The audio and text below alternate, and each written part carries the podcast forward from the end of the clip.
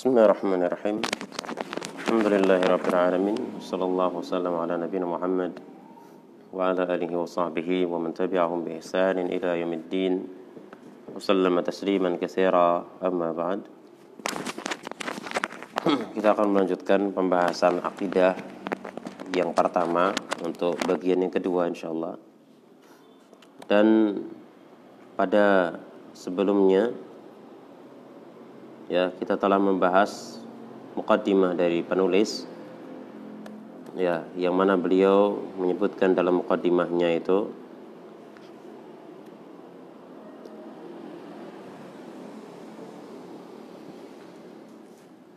Alhamdulillahil wahidil ahad al-munazzah an syariki wasyabih wal walad wassalatu wassalamu ala sayyidil bashar wa ala alihi wa ashabihi wa man ittaqa al-athar wa billahi sudah kita terangkan ya. E, di antara yang mungkin perlu kita e, apa bahas kembali kita murajaah salawat dan salam semoga tercurah kepada Sayyidu al-Bashar. Ya e, tuannya manusia. Ya saya menjelaskan bahwa tuannya manusia adalah Nabi Muhammad sallallahu alaihi wasallam. Ya dan Nabi SAW menjelaskan sendiri dalam hadisnya ana sayyidu waladi adam wala fakhar Aku adalah penghulu anak Adam wala fakhar dan ini bukan bukan suatu kebanggaan. Ya, bukan suatu kebanggaan. Baik. Tapi Nabi Shallallahu alaihi wasallam melakukan hal itu semata-mata hanya untuk menjelaskan saja. Ya, semata-mata hanya untuk menjelaskan saja karena Nabi Shallallahu alaihi wasallam diberi tanggung jawab, diberi beban untuk menjelaskan apa yang diwahyukan kepada beliau. Kemudian uh, wabihi asta'inu wa ilai bi'atasimu. Nah, ini yang kadang kelewat ya. Kita kelewat faedah bisa diambil dari kalimat wabillahi asta'inu kepada Allah lah aku meminta pertolongan. Faedah yang bisa diambil adalah uh, seseorang itu memahami bahwa dirinya tidak bisa menjalankan apa pun itu dari eh, perkara-perkara uh, duniawi ataupun perkara-perkara ukhrawi kecuali dengan Eh, pertolongan dari Allah Subhanahu wa taala. Iya.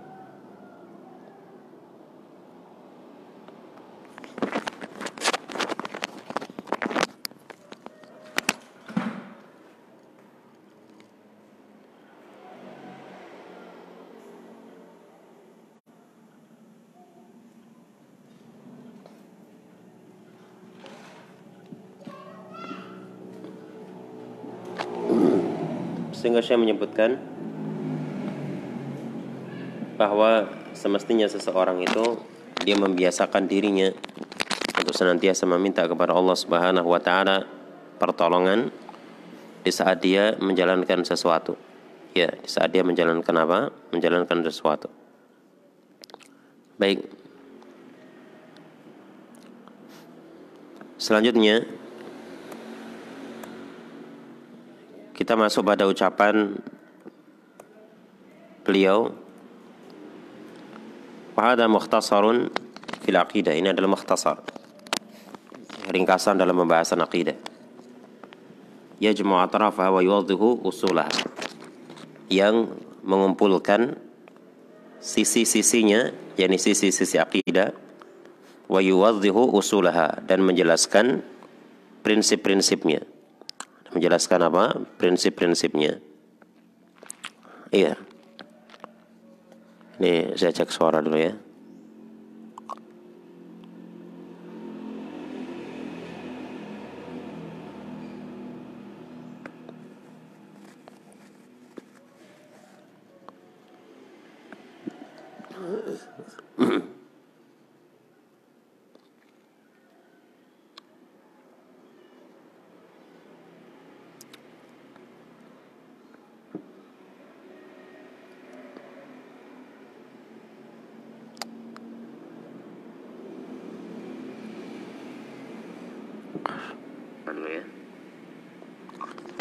Ya, baik.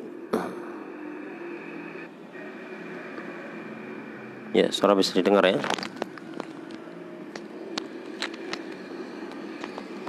Baik, fahad, fahada. Ya, baik. Ya, suara bisa didengar ya. Baik. Uh, saya jelaskan. Fahada mukhtasarun ini adalah mukhtasar. Syekh di sini menjelaskan wal mukhtasar huwa kalimatun qalilatun tajma'u ma'aniya katsiratan. Mukhtasar adalah kalimat-kalimat yang ringkas yang mengumpulkan makna-makna yang banyak. Jadi namanya mukhtasar adalah kalimat eh, kalimat-kalimat yang ringkas tapi terkandung di dalam kalimat-kalimat tersebut atau kalimat-kalimat tersebut mengumpulkan mencakupi makna-makna yang sangat banyak. Maka saya sering sampaikan namanya kitab-kitab mukhtasarat, kitab-kitab yang ringkas walaupun ringkas tapi ketika disyara, ketika dijelaskan, wah ini penjelasannya bisa panjang lebar. Ya, bisa bisa panjang lebar. Maka ini namanya mukhtasar, kalimatun qalilatun tajma'u ma'aniya katsiratan. Dan uh, Syekh Wahid di sini menyebutkan wastahabbu bal yufaddalu li kulli talibi ilmin arada ayu ayu assisa nafsahu fi ulumiddin wal lughati ayafadha fi kulli fannin min fununiha mukhtasaran. Disunahkan bahkan diutamakan bagi setiap penuntut ilmu yang hendak mentaksis dirinya di dalam mempelajari ilmu-ilmu agama dan juga ilmu bahasa untuk menghafal ya e, mukhtasaran untuk menghafal Eh, pada setiap cabang-cabang ilmu tersebut buku-buku yang ringkas atau mukhtasarat. Jadi maksudkan yang mentaksis dirinya adalah mempelajari ilmu secara mengakar. Ya, siapa yang berkeinginan untuk mempelajari ilmu secara mengakar, ya, secara apa? Secara kuat, ya, terpondasikan dengan baik, dengan kokoh, maka hendaknya pada setiap cabang ilmu itu dia menghafal mukhtasaran. Ya, karya-karya atau tulisan-tulisan yang ringkas, kitab-kitab yang ringkas. Iya. Fil aqidati wal fiqh wal usul wal hadith dalam pembahasan aqidah, fikih, usul, hadith, sirah, tafsir, kadzalika nahwu. Demikian pula nahwu wal balagha wal bayan wa nahwi dzalik min hadhihi ulum. Baik, nah ini memang ya semestinya seperti itu. Semestinya seperti itu dimulai dari menghafal mukhtasarat. Ya, tulisan-tulisan yang ringkas dalam setiap cabang ilmu yang hendak dipelajari. Ya, berbeda dengan orang-orang yang mempelajari ilmu langsung pada kitab-kitab yang besar. Nah, ini tidak mentaksis dirinya ya untuk mendapatkan ilmu atau dalam masalah ilmu itu. Tidak menancapkan, tidak mempondasikan dirinya ya, tidak mempelajari secara mengakar ilmu-ilmu tersebut. Walaupun mungkin terlihat hebat ya mempelajari langsung pada kitab-kitab yang tebal. Ya, tapi ini keliru di dalam metode pembelajaran. Ya, kemudian Syekh mengatakan yajmu atrafa. Ya, mukhtasar ini, kitab yang ringkas ini yajmu atrafa mengumpulkan atraf. Atraf itu sisi-sisi. Maksudnya kata Syekh yajma'u kulla ma yata'allaqu bil aqidati ijmalan. Maksudnya adalah mengumpulkan segala pembahasan yang terkait dengan akidah secara global. Ya, menghimpun atau mengumpulkan pembahasan-pembahasan yang terkait dengan akidah secara global, secara global. Baik. Wa yuwaddihu usulaha dan menjelaskan usulnya atau prinsip-prinsip akidahnya. Ai yasra usul al-aqidati sittah. Yakni mensyarah atau menjelaskan usul prinsip akidah yang enam. Allati buniyat alaiha hadhihi al-aqidatu al-muwaddaha fi arkan al-iman sittah. Al-ma'huda min hadithi Jibril hinama sa'ala Nabi sallallahu alaihi wasallam al-iman Qala al-imanu an tu'mina billahi wa malaikati wa kutubi rasulih wal yaumil akhir wa tu'mina bil qadari khairi wa syarri. Maksudnya menjelaskan prinsip akidah yang enam ya yang mana uh, ia dijelaskan atau yang mana dijelaskan akidah yang yang yang yang jelas tersebut ya pada rukun iman yang enam dijelaskan akidah yang jelas itu pada rukun iman yang yang enam yang terambil dari hadis Jibril Dimaksudkan di sini adalah yasra usul al-aqidati sitta allati buniyat 'alaiha hadhihi al-aqidah al-muwaddaha. Ya, saya ulang ya. yakni menjelaskan prinsip akidah yang enam. Allati buniyat 'alaiha hadhihi al-aqidatul muwaddaha. Ya, yang akidah yang sangat jelas ini dibangun di atasnya.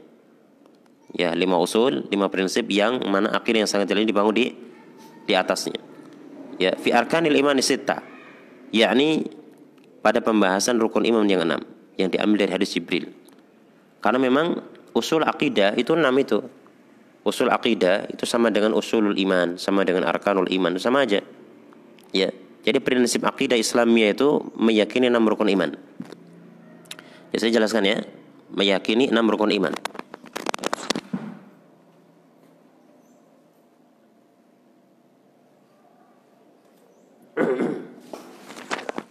Jadi kalau orang bertanya tentang pembahasan akidah itu apa? Usul akidah, prinsip akidah itu apa? Prinsip akidah itu adalah enam rukun iman. Ya, Kemudian hal-hal yang terkait dengan persoalan akidah ya, yang ini diikutkan dalam pembahasan akidah itulah disebut dengan disebut oleh Syekh yajma'u atrafaha. Ya, mengumpulkan sisi-sisinya. yakni kullu ma yata'allaqu bil aqidati. Semua yang terkait dengan akidah. Dan sebagian ulama menjelaskan bahwa pembahasan akidah ahli sunnati wal jamaah itu berputar pada pembahasan enam rukun iman. Ya, pembahasan enam rukun, enam rukun iman. Jadi pembahasan akidah itu itu keimanan kepada Allah, keimanan kepada kitab, keimanan kepada malaikat dan seterusnya. Kemudian berikutnya, kemudian berikutnya permasalahan-permasalahan yang sangat penting, permasalahan-permasalahan yang sangat penting yang mana ahli sunnati wal jamaah berbeda dengan kelompok lain dalam persoalan itu yang mana ahlu sunnah wal jamaah berbeda dengan kelompok lain dalam persoalan itu. Seperti misalkan ketaatan kepada penguasa, seperti misalkan sikap terhadap sahabat. Nah ini tidak masuk di dalam usul al-aqidah as-sitta. Tapi oleh ulama ahli sunnah wal jamaah dimasukkan dalam pembahasan akidah. Kenapa? Karena ini merupakan perkara yang sangat penting yang mana ahli sunnah berbeda dengan kelompok menyimpang. Ahli sunnah berbeda dengan apa? Kelompok menyimpang. Dan ini Allah alam ini yang dimaksudkan oleh Syekh ya kalau kita baca yang dimaksudkan dengan oleh Syekh yajma'u kull ma yata'allaqu bil aqidati ijmalan. Mengumpulkan semua yang terkait dengan akidah secara global. Ya. Karena usul akidahnya adalah enam rukun iman itu. Lah terus eh, ma yata'allaqu bil aqidah itu apa saja tadi yang sudah saya terangkan dari penjelasan ulama yang lainnya. Uh, baik.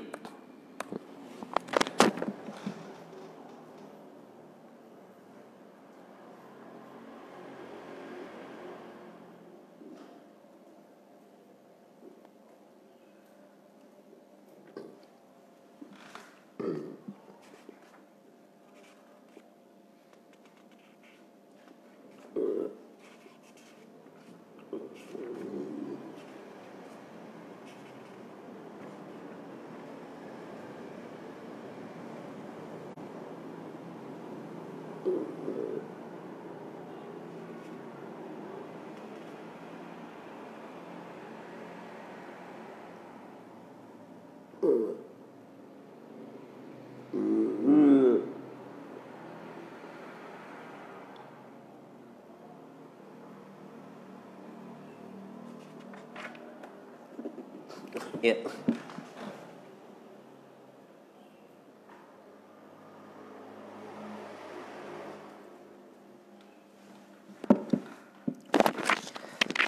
Baik selanjutnya. Was'alullaha ayyuhyiyana alal iman. Dan aku meminta kepada Allah SWT agar menghidupkan kita di atas keimanan. Nah, saya di sini menyebutkan wahada soal muhimun fi hayatil muslim.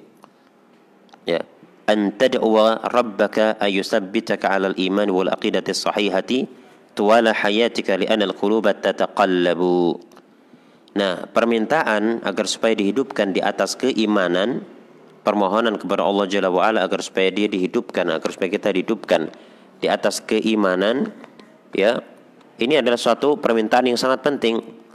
Permintaan yang sangat apa? Yang sangat penting. Ya, agar supaya Allah Subhanahu wa taala mengokohkan kita di atas keimanan dan akidah yang benar sepanjang kehidupan kita.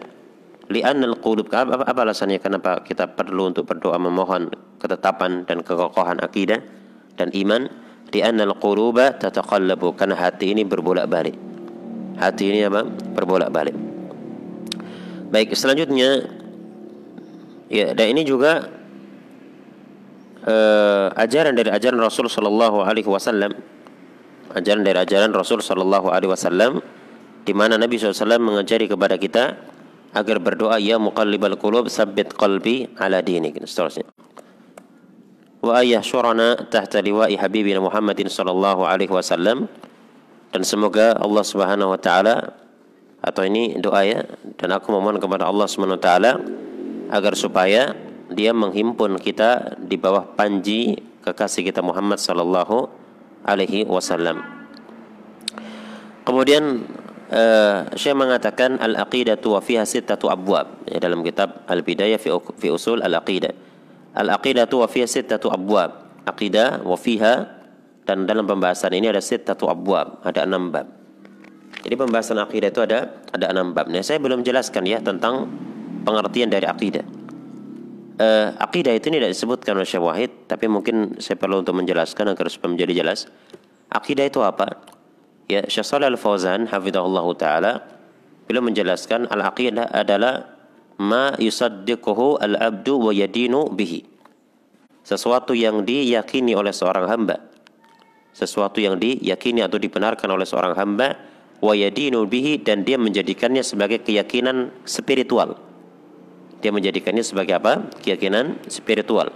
Dan sebagian ulama menyebutkan akidah adalah urusan hati. Akidah adalah urusan apa? Urusan hati.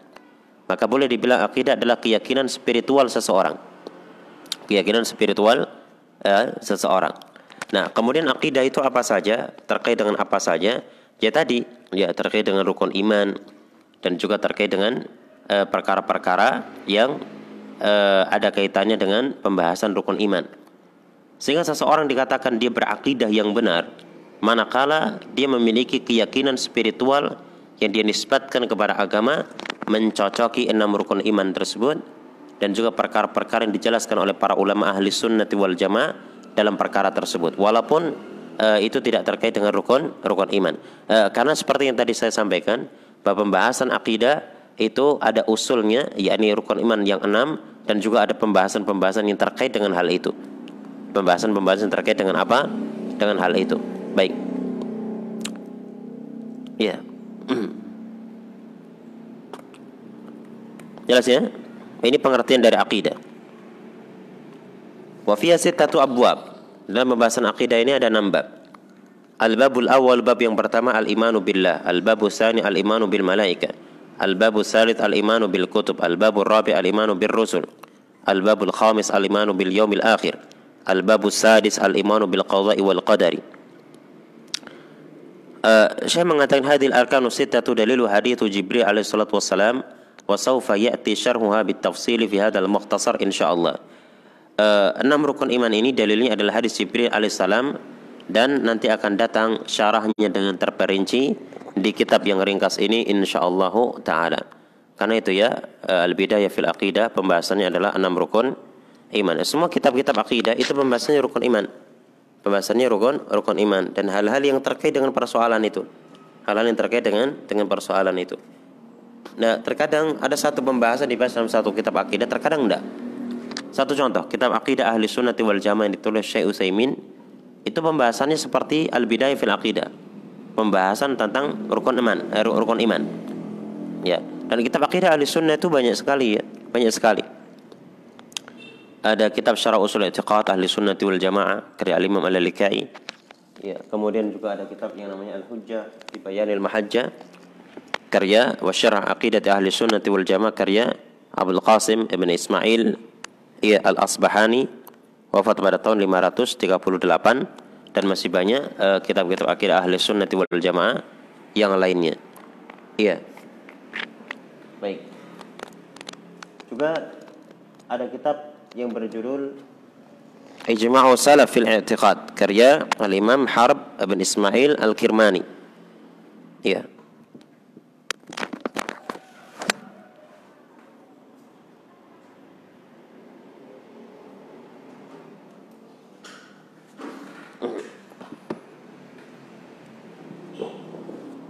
Juga uh, ada kitab yang namanya Kitab Sunnah. Ya kalau al, al harb al kirmani ini muridnya Imam Ahmad bin Hanbal. Demikian pula uh, ada kitab yang kitab sunnah karya al Imam al Hafid Abu Bakar Ibn Abi Asim wafat pada tahun 288 ya jadi kitab-kitab akidah ahli sunnah itu banyak. Dan kita insya Allah di uh, apa program ini kita akan membaca kitab al Bidayah fi ilmi al Aqidah Ya, permulaan ya untuk pemula ya. Baik, karena seperti tadi disampaikan oleh Syekh dalam pembahasan ilmu apa pun kita mempelajari mukhtasarat. Kitab-kitab yang ringkas terlebih dahulu. Al-babul awwalu bab yang pertama al-imanu billah wa fi sab'atu dhawabit. Nah, ini perlu diperhatikan. Kita tidak usah lihat ke kitab sunnah dulu atau ijma' salaf fil i'tiqad. Karena kita tidak sedang mempelajari kitab ini. Tapi kitab ini bisa menjadi rujukan utama.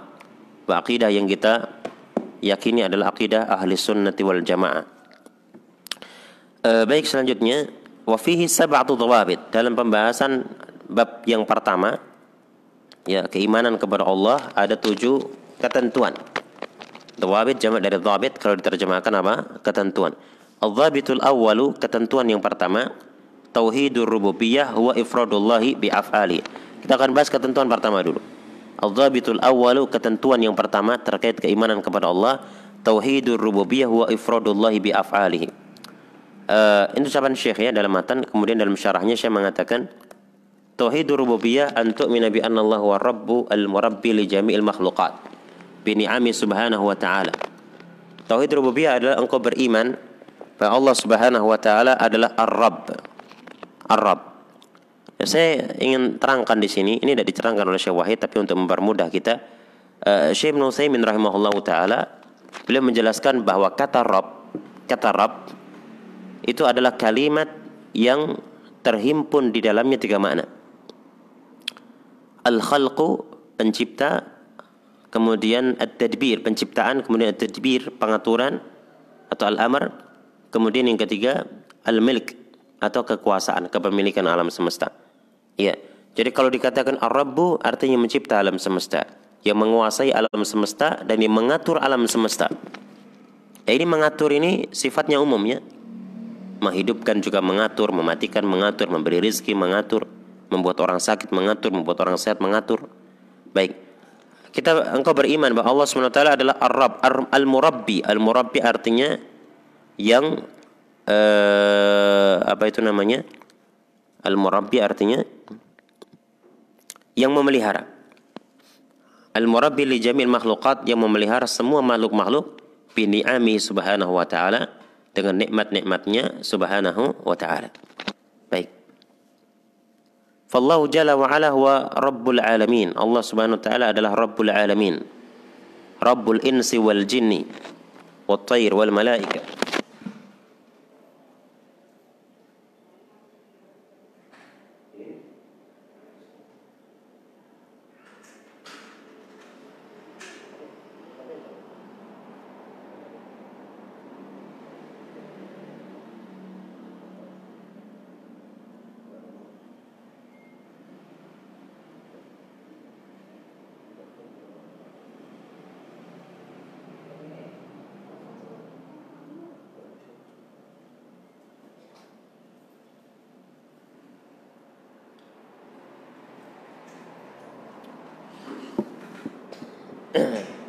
Iya, saya lanjutkan.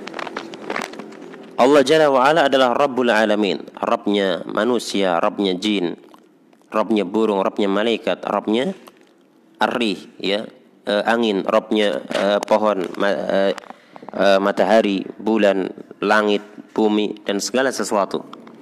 Ya. Qala penulis mengatakan tauhid rububiyah wa ifradullah bi af'alihi. Tauhid rububiyah adalah mengesahkan Allah terkait perbuatan-perbuatannya ini sebagian pembahasan ulama ya. Sebagian pembahasan ulama mereka mendefinisikan tauhid rububiyah adalah ifradullahi bi af'alihi, mengesahkan Allah taala terkait perbuatan-perbuatan Allah. Uh, artinya artinya perbuatan-perbuatan yang khusus bagi Allah. Saya artinya perbuatan-perbuatan yang khusus bagi Allah Subhanahu wa taala. Ketika ditanya, siapa yang mencipta alam semesta? Hanya Allah atau ada selain Allah? Hanya Allah. Oke. Okay. Kita esakan itu hanya Allah SWT yang mampu. Jadi perbuatan-perbuatan yang khusus hanya dimampu oleh Allah, kemudian kita yakini memang hanya Allah yang bisa untuk itu. Memberi hidayah. Memberi apa? Hidayah. Ini perbuatan yang khusus bagi Allah atau manusia juga mampu memberi hidayah? Hanya Allah yang mampu. Maka kita yakini hanya Allah yang yang bisa memberi hidayah. Ini maksud dari ifradullah taala bi af'alihi mengesahkan Allah SWT terkait perbuatan-perbuatannya, yakni perbuatan-perbuatan yang hanya bisa dimampu oleh Allah, kita yakini hanya Allah Subhanahu wa taala yang mampu untuk itu. Baik. Seperti yang saya sampaikan tadi sebagian ulama mendefinisikan tauhid rububiyah dengan mengesahkan Allah Subhanahu wa taala dalam penciptaan. Ya belum ya, saya belum tekankan ya itu ya. Tauhid rububiyah adalah mengesahkan Allah taala dalam hal penciptaan, pengaturan alam semesta dan penguasaan alam semesta. Dalam bahasa Syekh Ibnu Utsaimin rahimahullah, ifradullah taala bil khalqi wal mulki wat tadbir. Baik, selanjutnya. Syekh mengatakan wa min af'alillahi jalla wa ala dan di antara perbuatan-perbuatan Allah jalla wa ala ya perbuatan yang hanya bisa dilakukan oleh Allah jalla wa ala al-ihya yakni menghidupkan wal imatah mematikan wal khalqu ya menciptakan wa tadbir mengatur wa rizq memberi rezeki wa nahwu dzalika dan semacamnya kemudian mengatakan fata'al ma'ana linata'ammal في مخلوقات الله جل وعلا لنستدل بها على عظمة على عظمة الخالق الرب جل شأنه ayo fata'al ma'ana ayo kemari bersama saya bersama kami kita akan memperhatikan makhluk-makhluk Allah ya agar dengan itu kita bisa menjadikannya sebagai dalil akan kemahaagungan Sang Maha Pencipta Ar-Rabbu Jalla Sya'nuhu yang maha mulia keadaannya. Baik. Di sini pelajaran yang sangat berharga dari Syekh memperhatikan alam semesta. Memperhatikan makhluk-makhluk Allah Jalla wa ala. Yang dengan memperhatikan makhluk Allah Jalla wa ala, maka kita akan merasakan, akan mengetahui betapa agungnya zat yang menciptakan makhluk itu. Ya. Uh, saya di sini mengatakan iltaqa rajulun ziddiqun bisyafi rahimahullah. Ada seorang yang zindik. Seorang yang zindik. Bertemu dengan Imam Syafi'i rahimahullah. Dia mengatakan, "Ya Syafi'i, mad dalil ala wujudillah?" Apa dalil wujud Allah? Apa dalil keberadaan Allah? Ya. Qala undur ila hadhihi syajarah. Kata Imam Syafi'i, lihatlah ke pohon ini. Ya ini syajarah tut. Pohon tut. Ya, salah satu pohonnya uh, pohon uh, apa itu namanya saya tadi salah, satu jenis pohon pohon mulberry uh, pohon mulberry kemudian Syafi'i mengatakan undur ila waraqatin wahida min awraqiha lihatlah satu daun saja dari daun-daunnya innaha dalilun ala wujudillah ini menjadi dalil akan keberadaan Allah Jalla wa'ala menjadi bukti, menjadi tanda akan keberadaan Sang Pencipta. Qala kaifa dalik? Orang zini itu mengatakan bagaimana bisa? Qala Syafi'i rahimahullah, hadhihi al-warqa alaysa launu wahid wa ta'mu wahid? Daun ini bukankah? Qala bala. Iya betul. Qala lakin ta'kuluha dudatul qazz fatukhriju hariran na'ima. Tapi daun ini dimakan oleh ulat sutra. Dan ulat sutra ini akan mengeluarkan apa? Sutra yang sangat halus. Ulat sutra makannya pohon itu. Ya tapi yang keluar dari ulat sutra adalah sutra yang sangat halus. Wa ta'kulu hadziba'u fatukhriju miskan thayyiba dimakan oleh kijang. Kemudian eh, keluar daripadanya bau yang sangat enak. Wa ta'kuluha an-nahlatu fatukhriju aslan safiya. Dimakan oleh uh, oleh lebah. Dan lebah, lebah ini mengeluarkan uh, madu yang sangat murni. Wa ta'kulul hayawanatu fatukhriju ba'ran muntina dimakan oleh binatang yang lainnya secara umum dan ini mengeluarkan kotoran yang sangat bau manil ladzi awjada hadhil masani fi tilkal hayawanat Man alladhi awjada hadhil masani fi tilkal hayawanat? Innahu Allahu khaliqul bariyat. Siapakah yang mewujudkan ya produk-produk yang ada di produk-produk dari binatang-binatang itu yang keluar dari binatang-binatang siapa mewujudkan? Yani Allah Subhanahu wa taala.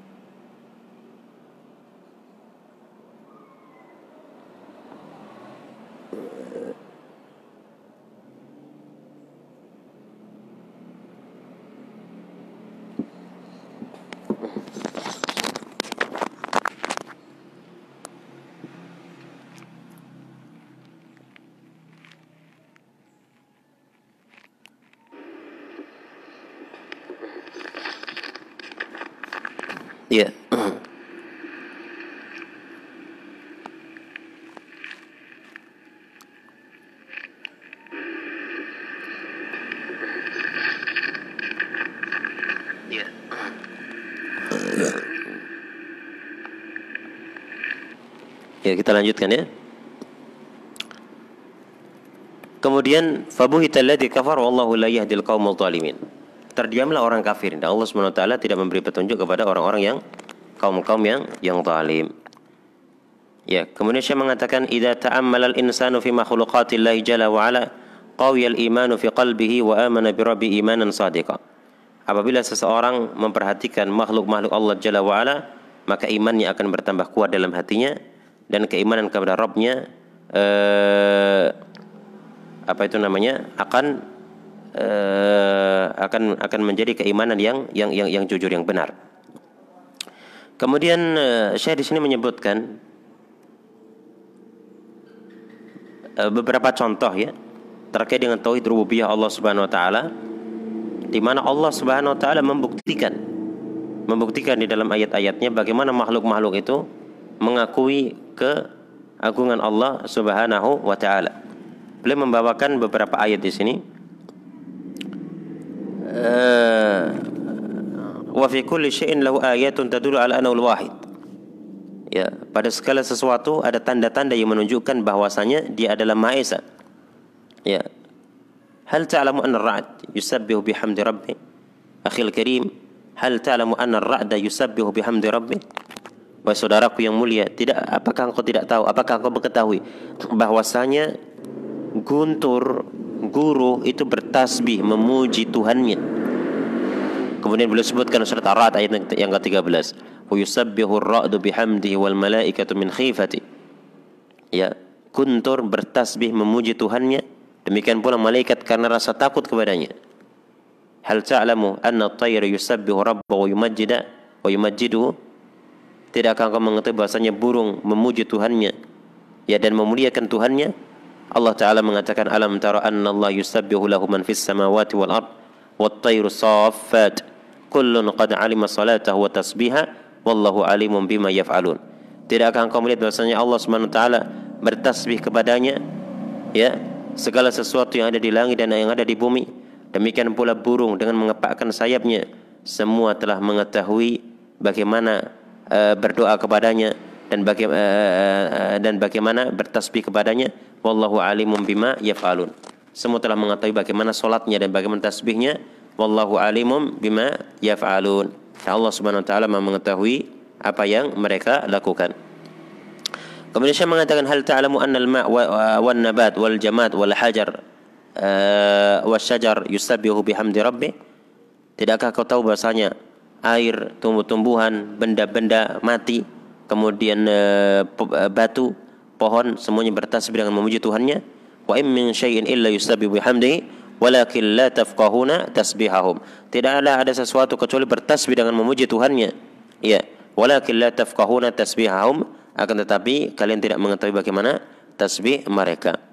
Wa eh, hal ta'lamu anna al-ardha tasjudu li rabbiha wan nujum tasjudu li rabbiha والشمس تسجد لربها والقمر يسجد لربه والجبل تسجد لربها والشجر يسجد لربه والدواب تسجد لربها Tidakkah kamu mengatakan bahasanya bumi bersujud kepada Tuhannya Bintang-bintang juga bersujud kepada Tuhannya Matahari bersujud kepada Tuhannya Bulan bersujud kepada Tuhannya Gunung bersujud kepada Tuhannya Pohon bersujud kepada Tuhannya Binatang melata bersujud kepada Tuhannya Surat Al-Hajj ayat yang ke-18. Ayat yang ke-18.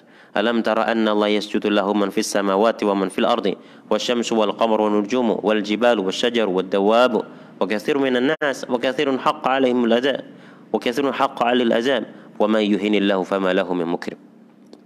Ya, fama lahu min mukrim. Tidakkah engkau mengetahui bahasanya Allah Subhanahu wa taala bersujud kepadanya segala yang di langit dan segala yang di bumi, matahari, bulan, bintang, gunung, ya batu, binatang-binatang melata dan kebanyakan dari manusia dan kebanyakan mereka ya telah hak untuk diberikan adab. Ya berhak untuk diberikan adab. Dan siapa yang dihinakan oleh Allah maka tidak ada yang satupun yang bisa memuliakannya. As'alullah tabaraka wa ta'ala ayyukrimana bi. Aku memohon kepada Allah Subhanahu wa taala agar memuliakan kita dengan cara mentaatinya. Eh, akhi i'lam al karim kata Syekh Wahid anna nazar fil makhluqat yadulluka ala wujudi rabbin azimin wa ilahin kabirin yusayiru, yusayyiru hadha al kauna kullahu. Ya, ketahuilah bahwa saudaraku yang mulia bahasanya melihat kepada makhluk-makhluk Allah akan menunjukkan engkau kepada keberadaan Tuhan yang maha agung sesembahan yang maha besar yang mengatur semua alam semesta ini. Memperhatikan alam memperhatikan makhluk. Ah, ini tauhid apa? Tauhid ar-rububiyah. Ya. Ini disebutkan beliau apa itu namanya? kalimat-kalimat terkait dengan tauhid ar-rububiyah. Ya. Agar menggugah kesadaran kita akan Sang Maha Pencipta. Ya, sini ada kalimat-kalimat syair qasidah tapi saya tidak baca ya. Ini terkait uh, ada beberapa kalimat yang memang harus diteliti lebih lebih lanjut ya agar supaya makna yang disampaikan eh, oleh syekh bisa kami pahami dengan baik. Karena ini semestinya ketika seseorang itu tidak memahami, tidak bisa memahami kalimat yang ditulis oleh seorang ulama, jangan dipaksakan untuk membaca. Jangan dipaksakan untuk apa? Untuk membaca. Karena kalau dia paksakan untuk membaca, malah dia sendiri bingung, malah membuat orang lain bingung. Ya, akan lebih baik dia lewati saja dia lewati saya. Dan ini faedah yang uh, diberikan oleh guru-guru kami sejak lama. Ya, bahkan para masyayikh di Yaman sebagaimana disampaikan oleh sebagian dari guru kami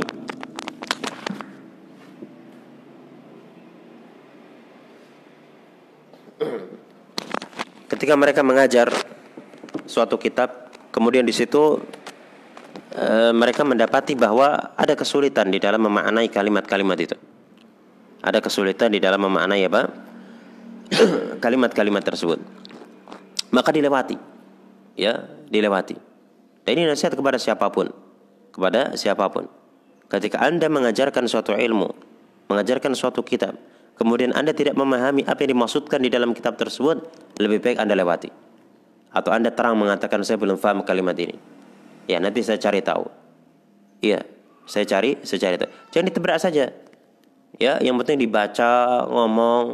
Nah, orang nggak paham ketika orang nggak paham ini menunjukkan bahwa anda tidak paham ketika orang tidak paham ini menunjukkan apa? Anda tidak paham iya. Kalau misalnya ini nggak paham satu dua anda masalah tapi kalau semua orang nggak paham apa yang anda maksudkan? Ini berawal dari ketidakfahaman anda. Ketika anda tidak paham maka anda tidak mungkin bisa memahamkan orang orang lain. Baik selanjutnya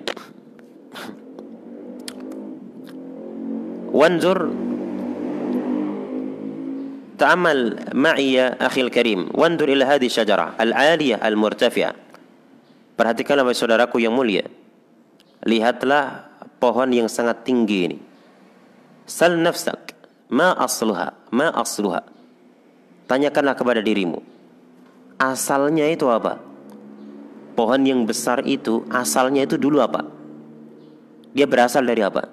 Asluha apa? Buzratun sagira atau badratun sagira asalnya adalah benih yang sangat kecil. Wandur ila syajaratil ful al qasira al dha'ifa lihat kepada pohon kacang yang sangat kecil. Asluha habbatul ful al kabira ya, asalnya apa? Asalnya adalah buah kacang yang besar. Tapi pohonnya kecil. Ya. Ma hada ka ka'anna rabbul izzah tabaraka wa ta'ala alladhi anbata. Al habbatil kabirah syajarah saghira. Ya. ومن الحبة الصغيرة الضعيفة شجرة ضخمة كبيرة يريد ألا يعلق قلوبنا أو ألا يعلق قلوبنا بالأسباب وإنما يريد أن تتعلق قلوبنا بخالق الأسباب سبحانه وتعالى yeah.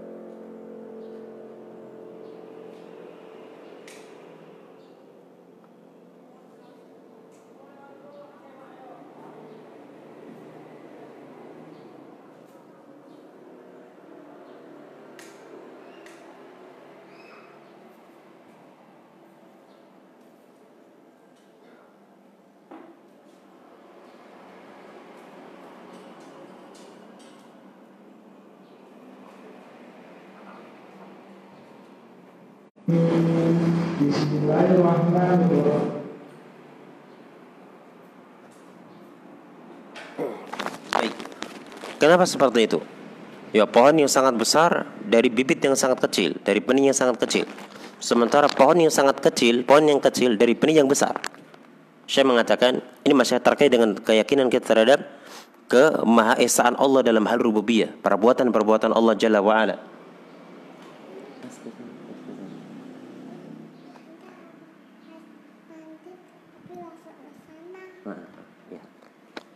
ya seakan-akan Rabbul Izzah tabaraka wa taala yang uh, menumbuhkan uh, apa itu namanya benih yang sangat besar ya yang menumbuhkan dari benih yang sangat besar pohon yang sangat kecil yang menumbuhkan benih yang sangat kecil yang sangat lemah pohon yang sangat besar.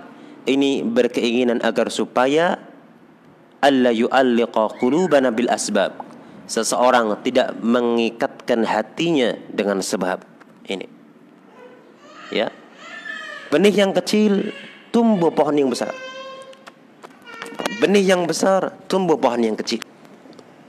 Sekarang ada isyarat kasih. Ya.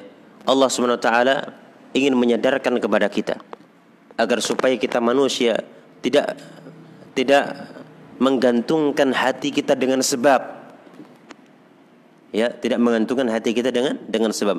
Wa inna ma yuridu an tata'allaqa qulubana bil bi khaliqil asbab subhanahu wa taala. Allah menginginkan agar supaya hati kita ini bergantung. Ya hati kita ini apa? Bergantung dengan sang pencipta sebab. Ya jangan pernah menoleh kepada sebab. Oke lakukan sebab tapi jangan terlalu menoleh mengikat dengan sebab. Ya ikatkanlah dengan sang pemilik sebab hati kita ini Iya. Undur li tilka syajarati zatil ghusunin nadara. Lihatlah ke pohon-pohon, lihatlah kepada pohon yang memiliki ranting-ranting yang sangat indah. Kaifa namat min habbatin wa kaifa sarat syajarah. Bagaimana pohon tersebut ya berkembang dari benih dan bagaimana dia menjadi pohon besar. Fandur waqul man dzalladhi yukhriju minha samara. Lihatlah ke pohon itu dan katakanlah siapa yang mengeluarkan buah dari pohon tersebut. Ya. Zakah wallahu alladhi Zakah wallahu alladhi an'umuhu munhamira. Itulah Allah yang nikmat-nikmatnya munhamirah tersebar. Ya, nikmat-nikmatnya uh, apa itu namanya sangat banyak itu ya munhamir, menyebar banyak. Itu hikmatin balighatin wa qudratin muqtadirah. Yang memiliki hikmah yang sangat balighah, sangat luar biasa dan kemampuan muqtadirah yang sangat mampu. Wandur ila syamsi allati judutuha musta'ira. Lihatlah kepada matahari. Ya, yang mana bara apinya itu musta'irah menyala-nyala fiha dhiya wa biha hararah muntashirah ada cahaya dan ada hawa panas yang menyebar. Man alladhi awjadaha fil jawi mithla syararah. Ya siapakah yang mewujudkannya di di langit? Ya mithla syararah saya agak lupa kata syararah. Dzaka wallahu ladzi an'amahu munhamir. Itu adalah Allah yang nikmat-nikmat anugerah-anugerahnya itu tersebar di mana-mana. Ya. Baik. Wandur ilal lail faman aujada fihi qamara. Lihatlah malam siapa yang mewujudkan adanya bulan bercahaya di situ. Wazanahu bi anjumin kaddural muntashira dan menghiasi malam dengan uh, bintang-bintang kaddurar al muntashira seperti permata yang ber yang bertebar yang bertebaran. Wandur ilal ghaim faman anzala minhu matara. Lihatlah kepada uh, mendung siapa yang mengeluarkan hujan dari mendung tersebut? Ya. Wandur ilal mar wa qul man syaqa fihi basara lihatlah kepada uh, uh, tubuh manusia dan katakanlah siapakah yang uh, apa uh, siapakah yang membuka pandangan dari tubuhnya? Dzakah wallahu ladzi an munhamir itu adalah Allah yang nikmat-nikmatnya tersebar di mana-mana. Du hikmatin balighatin wa qudratin muqtadirah yang memiliki hikmah sangat luar biasa, sempurnanya, tingginya. Ya. Dan yang yang yang maha memiliki kemaha mampuan. Iya. Tauhidur rububiyah mungharisun fi fitrati kulli insanin lam tataghayyar fitratuhu. Tauhid rububiyah ini tertancap dalam fitrah setiap manusia yang belum berubah fitrahnya. Fitrah artinya uh, watak asli manusia atau sifat asli manusia, bawaan manusia ya selama belum dicekoki sesuatu yang lain maka tauhid rububiyah ini masih murni ada pada diri seseorang. Dia akan berubah ketika fitrahnya dirubah oleh manusia. Makanya Nabi SAW mengatakan apa? Ini tidak disebutkan oleh Syekh. Kullu bani adam yuladu alal fitrah semua bani adam mm, dilahirkan dalam keadaan fitrah dalam keadaan dia meyakini ketuhanan Allah SWT ya fa'abawahu yuhawidani au yunassirani orang tuanya yang bikin dia Yahudi, Nasrani atau atau atau atau Majusi. Baik.